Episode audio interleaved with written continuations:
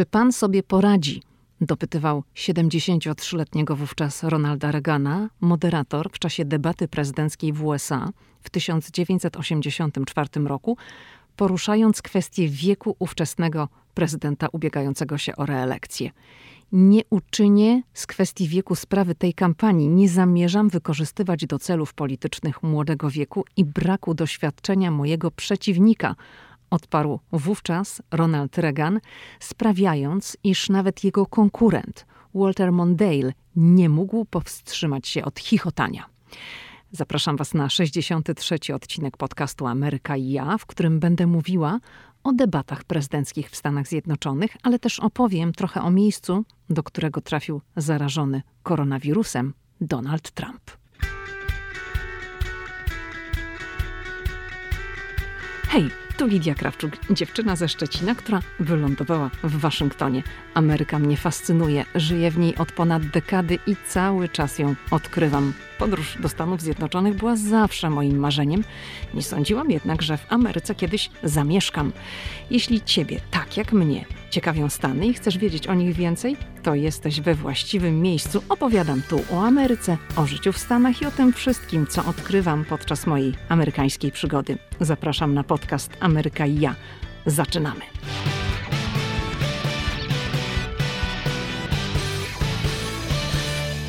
Dzień dobry, hello. W poprzednim odcinku podcastu powiedziałam, że ten dzisiejszy będzie poświęcony debatom prezydenckim w Stanach Zjednoczonych i będzie w dużej mierze.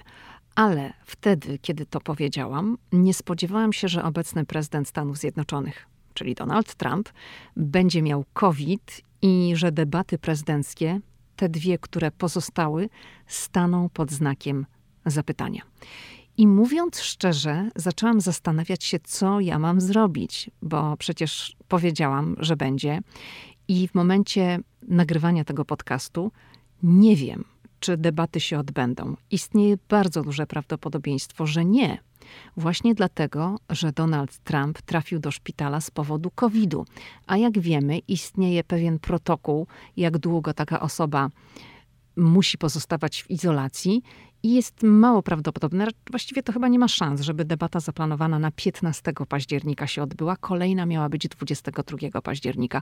Ja nie wiem, co oni zrobią. Czy będzie jedna, czy, czy w ogóle nie będzie. No nie wiem. Trudno mi powiedzieć, jaka zostanie podjęta decyzja.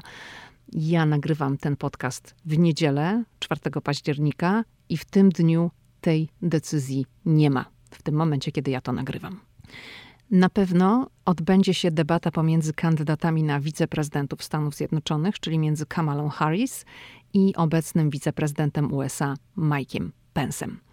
Ale w związku z tym, że jesteśmy przed wyborami w Stanach Zjednoczonych, one będą, jak wiadomo, na początku listopada, to pomyślałam sobie, że no jednak opowiem wam o, o, debatach, bo to jest najlepszy moment, żeby o tym mówić, bo potem przez cztery kolejne lata nie będzie tak naprawdę okazji, żeby mówiła o debatach. To znaczy w kontekście jakichś wydarzeń, takich, które się w danym okresie dzieją, które w danym okresie mają miejsce. I teraz powiedzmy ten czas jest idealny, ale okoliczności są takie, a nie inne i, i trochę tak byłam w kropce. Ale uznałam, że jednak opowiem, przytoczę kilka takich szczególnych momentów, i przy okazji, w związku z tym, że, że Donald Trump jest w szpitalu, opowiem Wam też trochę o centrum medycznym Walter Reed, do którego właśnie trafił Donald Trump. Także nawet jeżeli będziecie słuchać tego podcastu za jakiś czas, to nic nie szkodzi, bo nie zamierzam skupiać się w odcinku na informacjach bieżących. Zresztą takie jest założenie mego podcastu, by osoby, które dołączają, które są nowe tutaj, mogły słuchać również tych wcześniejszych odcinków i żeby te wcześniejsze odcinki, które nagrałam na przykład ponad rok temu, były nadal aktualne. One są nadal aktualne. Takie staram się dobierać tematy. Wspominałam, że powiem Wam kilka słów na temat Walter Reed i, i od tego zacznę. Co to w ogóle jest? To jest centrum medyczne, wojskowe, to jest szpital i ten szpital znajduje się w mieście Bethesda w stanie Maryland. To jest kilkanaście kilometrów od Waszyngtonu. Jeżeli ktoś słuchał wcześniejszych odcinków, no to wie, że tutaj ludzie mieszkający tutaj w okolicach Waszyngtonu żyją w tej metropolii waszyngtońskiej i wiele osób, które mieszka poza Waszyngtonem, pracuje na przykład na co dzień w Waszyngtonie. Spora grupa osób, która mieszka w Bethesdzie, właśnie pracuje w Waszyngtonie, dojeżdżając codziennie do Waszyngtonu. Bethesda jest bardzo ładnym miastem, bardzo urokliwym, ale również Bethesda słynie z tego, że tam jest mnóstwo pięknych domów, takich, no, wiecie, za konkretne pieniądze, drogich. Tam po prostu mieszkają ludzie, których sytuacja finansowa jest bardzo dobra, bo to są piękne domy z pięknymi trawnikami, z takim pięknym obejściem dookoła. To jest wszystko naprawdę takie tip-top. I Walter Reed to jest największe wojskowe centrum, czyli to centrum medyczne, które znajduje się w Beteście. To jest największe centrum medyczne, najbardziej prestiżowe. Skąd ta nazwa? To jest od nazwiska badacza, lekarza wojskowego Waltera Reeda.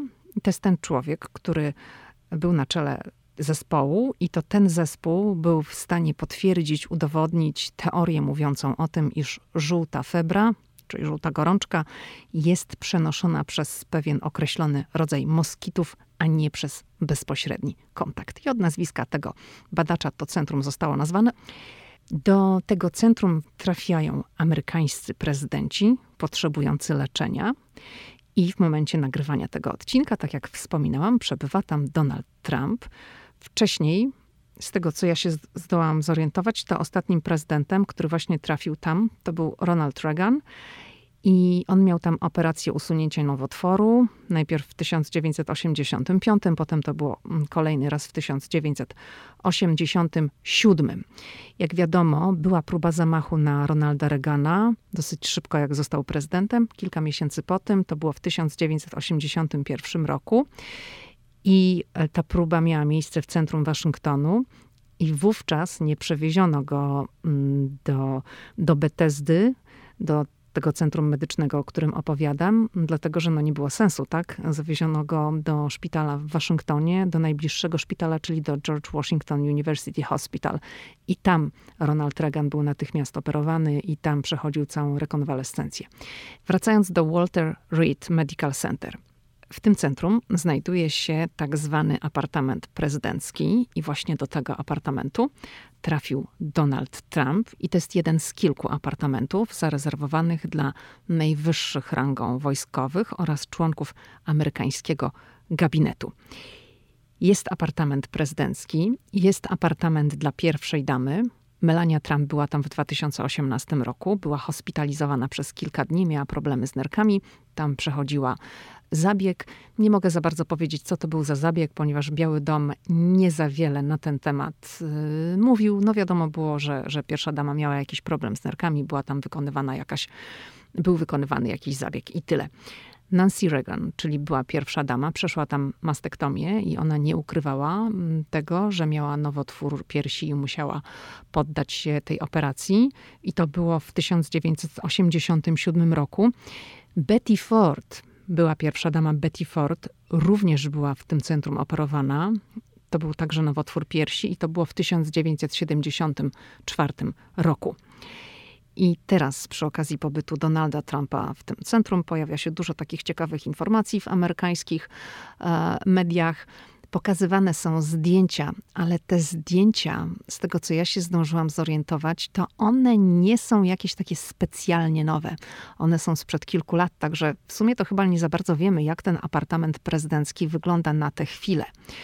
Bo to, co jest pokazywane, no to wydaje mi się, że ten design, to wszystko, ten cały wystrój, też taki troszeczkę jest przestarzały.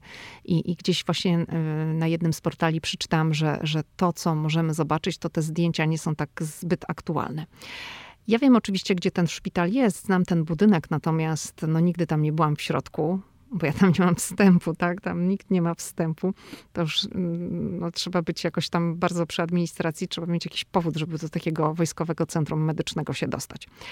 Ale mm, wyczytałam, że ten obszar, gdzie jest y, apartament prezydencki, jest w odróżnieniu od reszty obiektu kontrolowany przez Biały Dom i posiada własny oddział intensywnej terapii, kuchnię, jadalnię, kilka salonów i co najważniejsze z punktu widzenia właśnie administracji prezydenta, głowy państwa, tam jest jeden tak zwany bezpieczny pokój, który może pełnić również funkcję sali konferencyjnej czy, czy, gabinetu i Donald Trump zapewne z tego korzysta. Po prostu w takim tym bezpiecznym pokoju, w tak zwanym bezpiecznym pokoju są te wszystkie urządzenia mm, do zagłuszania, takie ochronne, no wszystko, znajduje się tam wszystko to, dzięki czemu no, żadne sekrety się nie wydostają na zewnątrz, tak? No, nie można podsłuchiwać i tak dalej. Także, a, jest jeszcze też takie miejsce, które jest zarezerwowane dla szefa personelu Białego Domu.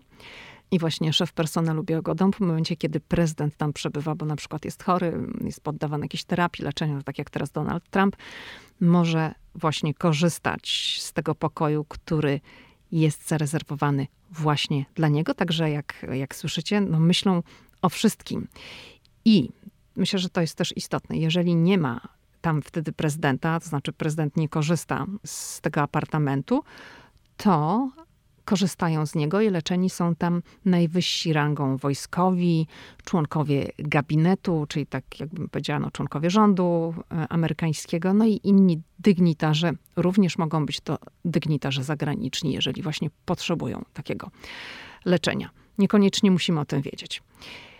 Dobrze. Mm, to tak trochę Wam powiedziałam na temat Walter Reed Medical Center. I, a, I to jeszcze chyba jest ważne, że właśnie w tym centrum amerykańscy prezydenci przechodzą coroczne badania okresowe.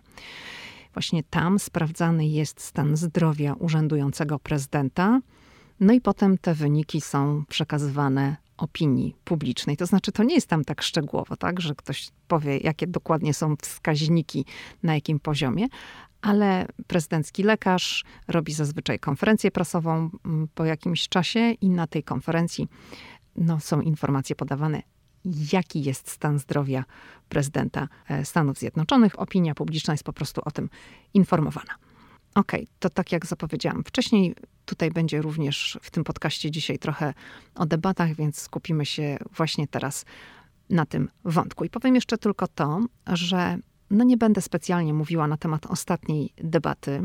Mm, jeśli interesujecie się amerykańską tematyką, a zakładam, iż większość słuchaczy tak, tak, bo skoro słuchacie tego podcastu, no to amerykańska tematyka was e, interesuje. No to no wiecie, tak, że ta pierwsza debata to mówię o debacie pomiędzy Donaldem Trumpem i Joe Bidenem. Ta pierwsza debata to była kompletna klapa katastrofa, chaos. Ona była okropna. No nie ma w ogóle co tego ukrywać, bo no powiedzmy sobie to szczerze, tak, przez 90 minut zamiast merytorycznej dyskusji, której można byłoby się spodziewać na temat wielu spraw i wielu problemów, z którymi boryka się w tej chwili Ameryka i nie tylko Ameryka, tak, jesteśmy w pandemii, jesteśmy w sytuacji kryzysowej, no to widzowie, co zobaczyli widzowie? Widzowie tak naprawdę zobaczyli trzech starszych białych mężczyzn, Donalda Trumpa, Joe Bidena i jeszcze Chrisa Wallace'a z Fox News, to był moderator tej mm, debaty, którzy po prostu się przekrzykiwali. Nie, nie, mogli w ogóle dojść do ładu i no jeszcze tam padały o Belgii, obrażali się. No, naprawdę, tak to można podsumować. Tak ta debata wyglądała. I no powiedzmy sobie to jasno, te wcześniejsze debaty miały zupełnie inny charakter i ile ludzi to zobaczyło, tak? A potem pewnie jeszcze do tego ludzie wracali, jak poszły w świat te informacje, jak to, jak to wyglądało. Te debaty to są wielkie widowiska telewizyjne w Stanach Zjednoczonych. Pierwszą debatę z 2016 roku, tą pomiędzy Hillary Clinton i Donaldem Trumpem, oglądały 84 miliony Amerykanów. To jest bardzo dużo. No, taką widownię, no jeszcze troszeczkę większą, tam na poziomie 100 milionów, czasem więcej, to generuje finał Super Bowl, który odbywa się na początku lutego. No to wtedy też Amerykanie zasiadają. No druga to jest debata, tak? To jest to widowisko telewizyjne, które przyciąga takie tłumy. Oscary, zapomnijcie, tam Oscary to tam kilkanaście milionów, dwadzieścia obejrzy, to jest wielkie halo. Dobrze, to może zacznijmy od tego, kto w ogóle organizuje debaty prezydenckie w Stanach Zjednoczonych. Od 1987 roku istnieje coś takiego jak Komisja do Spraw Debat Prezydenckich i właśnie jej głównym celem jest organizowanie i sponsorowanie odbywających się co cztery lata debat. I ta komisja sponsorowała wszystkie debaty prezydenckie od 1988 roku. To jest organizacja non-profit założona przy współudziale partii demokratycznej i republikańskiej w Stanach Zjednoczonych, czyli tych dwóch głównych wiodących. I skąd pieniądze? Pieniądze to są po prostu prywatne wpłaty od fundacji, od korporacji, od różnych instytucji. I tutaj oczywiście mm, w tej komisji ustalane są zasady. Oczywiście one są w porozumieniu z tymi dwiema głównymi partiami, demokratyczną i republikańską. Zasada jest taka, że w czasie debat nie ma przerw reklamowych, no i debata trwa 90 minut, tam porządek jest jakiś ściśle określony, kto ile ma czasu, ile mm, odpowiada i tak dalej. I tematy zagadnienia do dyskusji podawane są z wyprzedzeniem. Także można to sobie nawet sprawdzić na stronie internetowej, jakie zagadnienia mm, zostaną poruszone w czasie debaty. One oczywiście mogą się zmienić, bo na przykład może coś um, nagle przed samą debatą wyjść, tak? Zawsze coś wychodzi najczęściej. I przygotowując się do tego podcastu, przejrzałam rzecz jasna mnóstwo archiwalnych materiałów, żeby podać wam no, ciekawe przykłady. I wiedziałam oczywiście, że zacznę od pierwszej historii debaty telewizyjnej, czyli tej pomiędzy Johnem Kennedym i Richardem Nixonem z 1960 roku. I tu trzeba zaznaczyć, iż była to nie tylko pierwsza w historii transmitowana przez telewizję debata prezydencka, ale zarówno Kennedy, on był wówczas senatorem ze stanu Massachusetts, jak i ówczesny wiceprezydent Nixon zostali później prezydentami. Kennedy w 1960 roku, a Nixon, znaczy Kennedy wygrał w 1960, tak, no bo wybory są w listopadzie, zaprzysiężenie jest w, zaprzysiężenie jest w styczniu, czyli w 1961, a potem Nixon wygrał wybory w 1969 roku. I muszę mm, powiedzieć, że jak tak przeglądałam mnóstwo różnych takich archiwalnych materiałów, czytałam komentarze, to bardzo ciekawie skomentował tę debatę dla magazynu Time profesor William Bennett z Uniwersytetu Alabama. Otóż, jeżeli ktokolwiek z Was tutaj słuchających chociaż trochę interesował się tematem, no to pewnie słyszał już takie stwierdzenie, że Nixon przegrał ostatecznie wybory w 1960 roku, ponieważ no, na nie, niekorzystnie wypadł w debacie telewizyjnej, bo wyglądał na człowieka starego i zmęczonego. Natomiast Kennedy, który miał wtedy na twarzy makijaż, pomalowano go do telewizji, tak, wydawał się młody i pełen życia, pełen wigoru.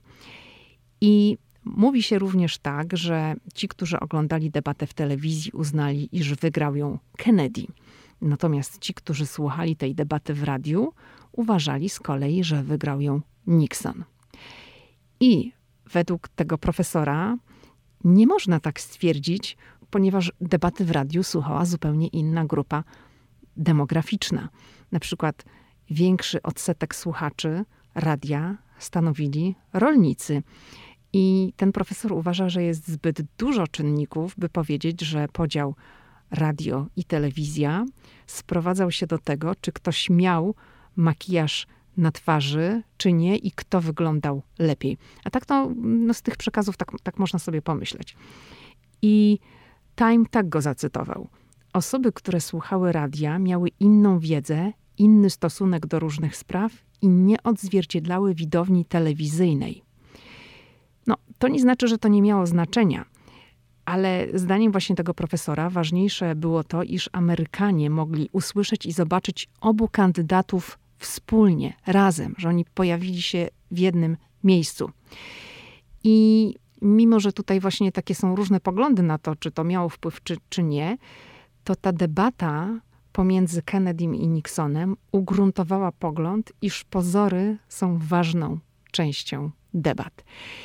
I tak mówiąc o pozorach, to ja na przykład pamiętam, jak odbywały się debaty pomiędzy Barackiem Obamą i Mittem Romneyem zaraz po, to przypominają mi się te wszystkie analizy w amerykańskich mediach. Ja mówię tutaj o wyborach z 2012 roku, wtedy, kiedy Barack Obama walczył o, o reelekcję. I analizowano nawet, który z kandydatów jakiej wielkości miał wpiętą flagę amerykańską w klapę marynarki, która w ogóle była lepsza flaga. Nie? Nawet takie rzeczy, bo już to, że kto jaki krawat założył, jakie miał kolory i tak dalej, to, to mowa ciała jest analizowana, to wiadomo, ale nawet analizowali flagi. Którą flagę kto miał lepszy. I wracając do debat telewizyjnych, to po wyborach z 1960 roku, kiedy wygrał Kennedy, który, jak wiadomo, został zastrzelony w 1963 roku, to potem tych debat przez jakiś czas nie było. One powróciły do telewizji w 1976 roku i wtedy stanęli ze sobą do dyskusji trzykrotnie prezydent Gerald Ford i Jimmy Carter. I teraz tak, po tej debacie w 1976 okazało się, że gafa może kandydata pogrążyć. Choć też trudno powiedzieć, czy gafa, o której zaraz powiem, rzeczywiście sprawiła, iż Ford przegrał z Carterem, bo nie ma też do końca takich mm, jasnych dowodów sondażowych, że, że ta debata zaszkodziła Fordowi. O co chodzi? Otóż prezydent Ford stwierdził w czasie tej debaty, iż w Europie Wschodniej nie ma sowieckiej dominacji i że nie będzie jej za czasów administracji Forda. No i nawet moderator tej debaty nie był w stanie ukryć swojego zdziwienia i powiedział coś takiego: No, przepraszam, czy ja dobrze zrozumiałem, że powiedział pan, iż Rosjanie nie wykorzystują Europy Wschodniej jako własnej strefy wpływów do okupowania większości tamtejszych krajów, mając tam własne wojska i pewność, że to strefa komunistyczna. No i to był taki moment, który pokazał, jak bezbronni mogą być kandydaci podczas debat na żywo w telewizji, tak? Gafa, powiedzenie czegoś w niewłaściwy sposób może po prostu być katastrofalna w skutkach. Lecz, jak wspomniałam, nie ma do końca dowodu na to, że właśnie ten moment zaważył, choć niektórzy uważają, że to właśnie był ten moment, że to zaważyło i dlatego właśnie Ford przegrał z Carterem. Dobrze, to teraz 1984 rok i kwestia wieku. Obecnie też to przerabiamy, tak? Wiek. Mm, jak wiemy, w tegorocznych wyborach startuje dwóch kandydatów, którzy są po 70. Donald Trump ma 74 lata, Joe Biden ma 77, to znaczy w listopadzie tego roku, czyli 2020, skończy 78, czyli tak naprawdę już praktycznie ma 78. I to cytowałam na początku, ale wrócę do tego. Kiedy w 1984 roku Ronald Reagan ubiegał się o reelekcję i stanął do debaty z Walterem Mondale'em, miał 73 lata. Mondale był po pięćdziesiątce. I moderator zadał mu pytanie, to znaczy Ronaldowi Reaganowi, a raczej zaczął od, no powiedziałabym, wytknięcia wieku, mówiąc, że w tym momencie jest najstarszym prezydentem w historii i czy ma jakieś wątpliwości. Zadający pytanie przywołał przykład prezydenta Kennedy'ego, który w czasie kryzysu kubańskiego spał bardzo niewiele, bardzo mało. Mówił o tym Kennedy, a był wtedy po czterdziestce. I prowadzący spytał, czy Reagan byłby w stanie funkcjonować w takich okolicznościach, w takich warunkach, gdyby się takie okoliczności pojawiły, że no będzie jakiś taki gigantyczny, wielki kryzys i nie będzie czasu na sen. Czy ze względu na wiek da radę, gdyby taki kryzys nadszedł.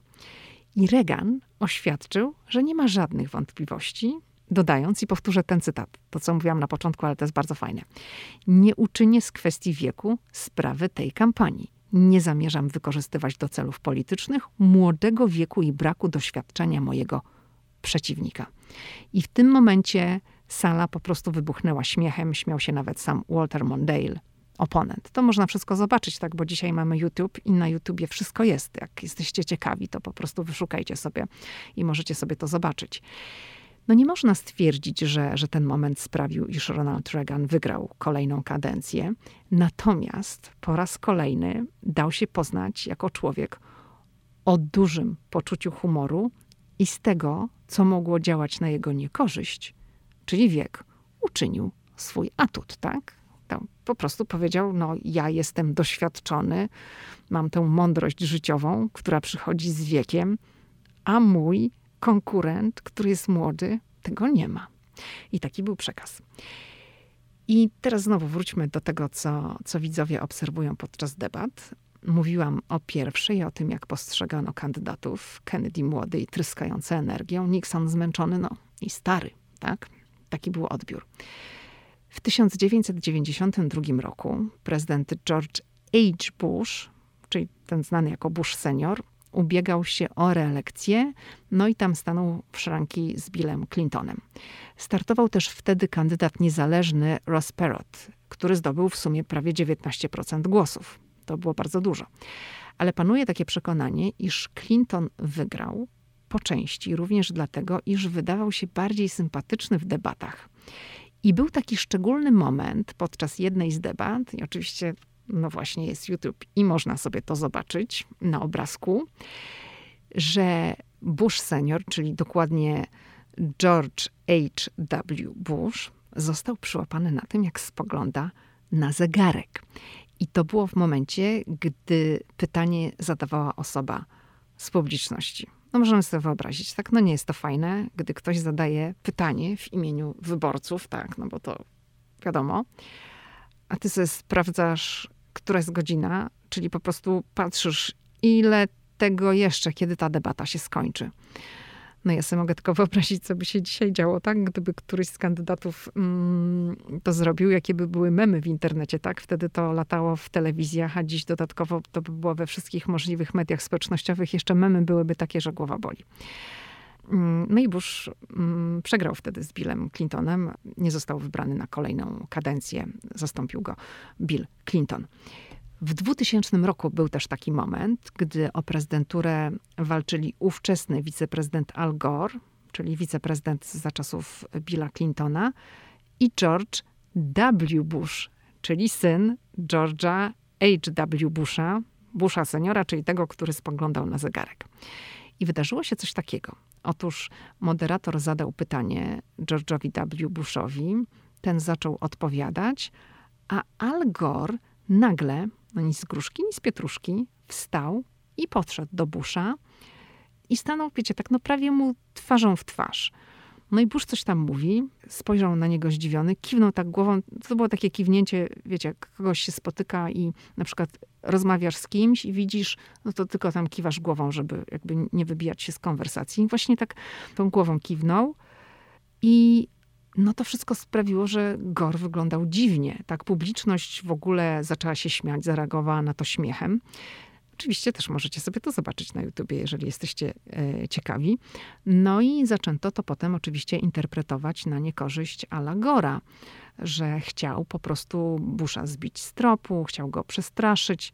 No ale to się mu nie udało, bo raczej ten moment, który tutaj przywołałam, to jemu odbił się czkawką. To na jego niekorzyść działał. I od razu tutaj powiem, że być może pamiętacie taki moment, był podobny moment w 2016 roku, kiedy na debacie spotkali się Hillary Clinton i Donald Trump.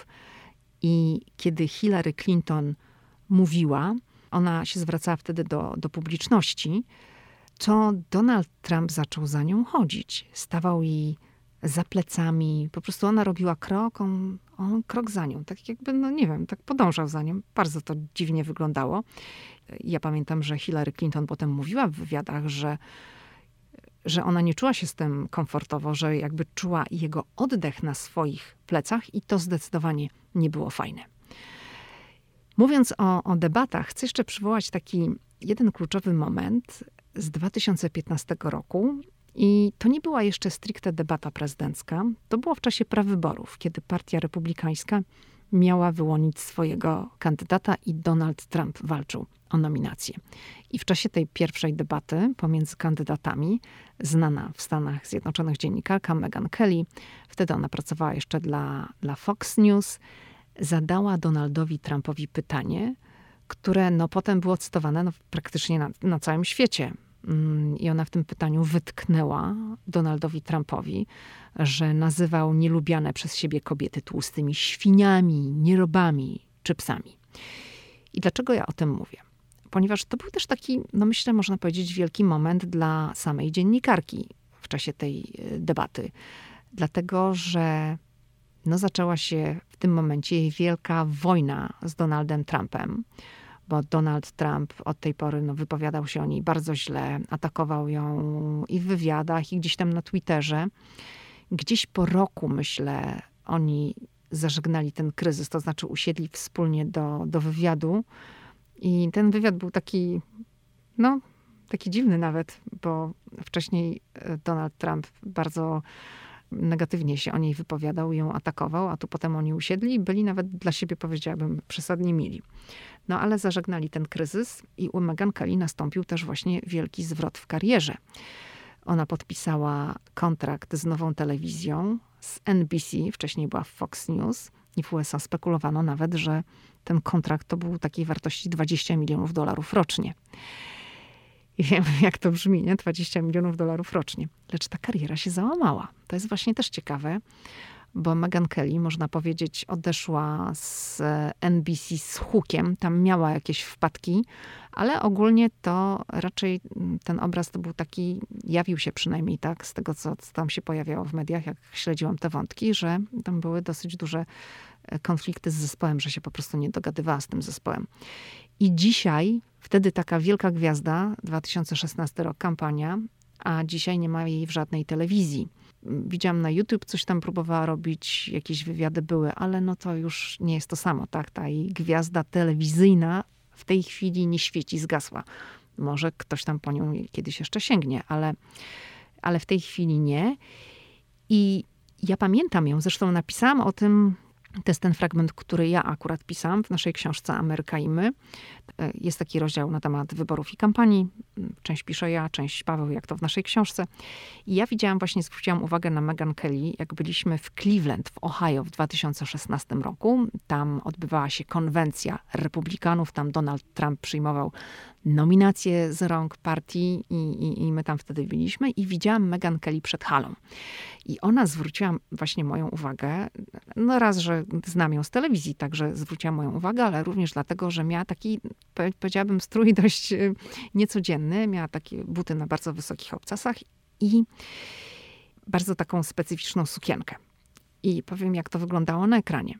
Na, na ekranie wyglądało to tak, mm, ona relacjonowała przebieg konwencji, czyli telewizja Fox News miała tam takie swoje studio, i było widać jej twarz na ekranie, a w tle za jej twarzą mm, scenę, na której odbywała się konwencja. I kadr był taki, że ona wyglądała, jakby siedziała przed kamerą w bikini. Bo ona miała wtedy na sobie tą sukienkę na takich bardzo cieniutkich ramionczkach. I krój ten z tej sukienki, tutaj ten dekolt układał się tak, że wyglądała tak, jakby była po prostu w kostiumie plażowym. I ja, tak jak mówię, widziałam ją dokładnie w tej sukience wcześniej. No, ale na ekranie to wyglądało jakby miała bikini. W Ameryce było wielkie halo. Z tego powodu tam były, było bardzo dużo komentarzy, że co to w ogóle ma być, jak ona się ubrała do tej telewizji. I tak opowiadam o tym przy okazji, dlatego że debata właśnie w przypadku Meghan Kelly była też również jakimś tam przełomem w jej karierze. To znaczy, to nie jest tak, że ona nagle zrobiła się popularna, bo ona była już wcześniej bardzo popularna w USA. Zresztą w 2014 roku to magazyn Time umieścił ją na liście mm, 100 najbardziej wpływowych osób na świecie. Tak? Czyli to nie jest tak, że przed debatą to nikt o niej nie słyszał. Cała Ameryka ją znała. Natomiast debata z 2015 roku i sprawa tego pytania dotyczącego kobiet no była też takim jednym z tych dużych momentów w jej, e, w jej karierze. Tak jak powiedziałam na wstępie, w momencie, gdy nagrywam podcast, nie wiem, czy odbędą się zaplanowane debaty. Pierwsza z tego roku, mm, a mamy rok 2020, została określona mianem najgorszej w historii. I właśnie dlatego, że debata pomiędzy Donaldem Trumpem a Joe Bidenem była tak chaotyczna, no i skandaliczna, no, trzeba sobie to powiedzieć, to, to wszystko wskazuje na to, że zostaną wprowadzone pewne zmiany. I to właśnie widziałam, amerykańska telewizja CNBC podała, ona się, ta telewizja powoływała na swoje źródła, które są bliskie do tej komisji do spraw debat prezydenckich. Mówiłam o tej komisji na początku. Telewizja podała, że rozważane jest wyłączanie mikrofonu kandydata naruszającego zasady. Tak? Czyli tak jak na Oscarach tam ktoś za długo mówi, to wyłączają mikrofon, mówi i nic nie słychać. Tak być może będzie teraz w czasie tych debat w przyszłości w Stanach, że jak kandydaci trochę nie będą się słuchać, nie będą się stosować do zasad, to będzie im wyłączany mikrofon. I jeszcze tak powiem, że z badań wynika, że Tę ostatnią debatę, tą z 2020 roku, oglądały 73 miliony 100 tysięcy Amerykanów i to jest 13% mniej niż tę pierwszą debatę sprzed czterech lat pomiędzy Hillary Clinton a Donaldem Trumpem. Okej, okay, to to jest tyle, co przygotowałam w tym odcinku. Planuję jeszcze jeden przed wyborami, w którym będzie mowa o systemie wyborczym w Stanach Zjednoczonych, bo on jest zupełnie inny niż w Polsce i postaram się Wam to wszystko wyjaśnić jak najprościej, żebyście wiedzieli o co chodzi z tymi głosami popularnymi, z głosami elektorskimi i tak dalej. No, to będzie taki podcast. Oczywiście bardzo Wam dziękuję za nowe recenzje na temat podcastu. Bardzo mnie one cieszą, czytam wszystkie. Dziękuję za wiadomości na Facebooku, na Instagramie. Przypominam, że Ameryka i ja to jest także blog oraz, że ja bardzo lubię Instagram i że oczywiście możecie mnie obserwować na Instagramie. Nie zapomnijcie też subskrybować podcastu Ameryka i ja, jeżeli jeszcze tego nie zrobiliście. Do usłyszenia w następny wtorek.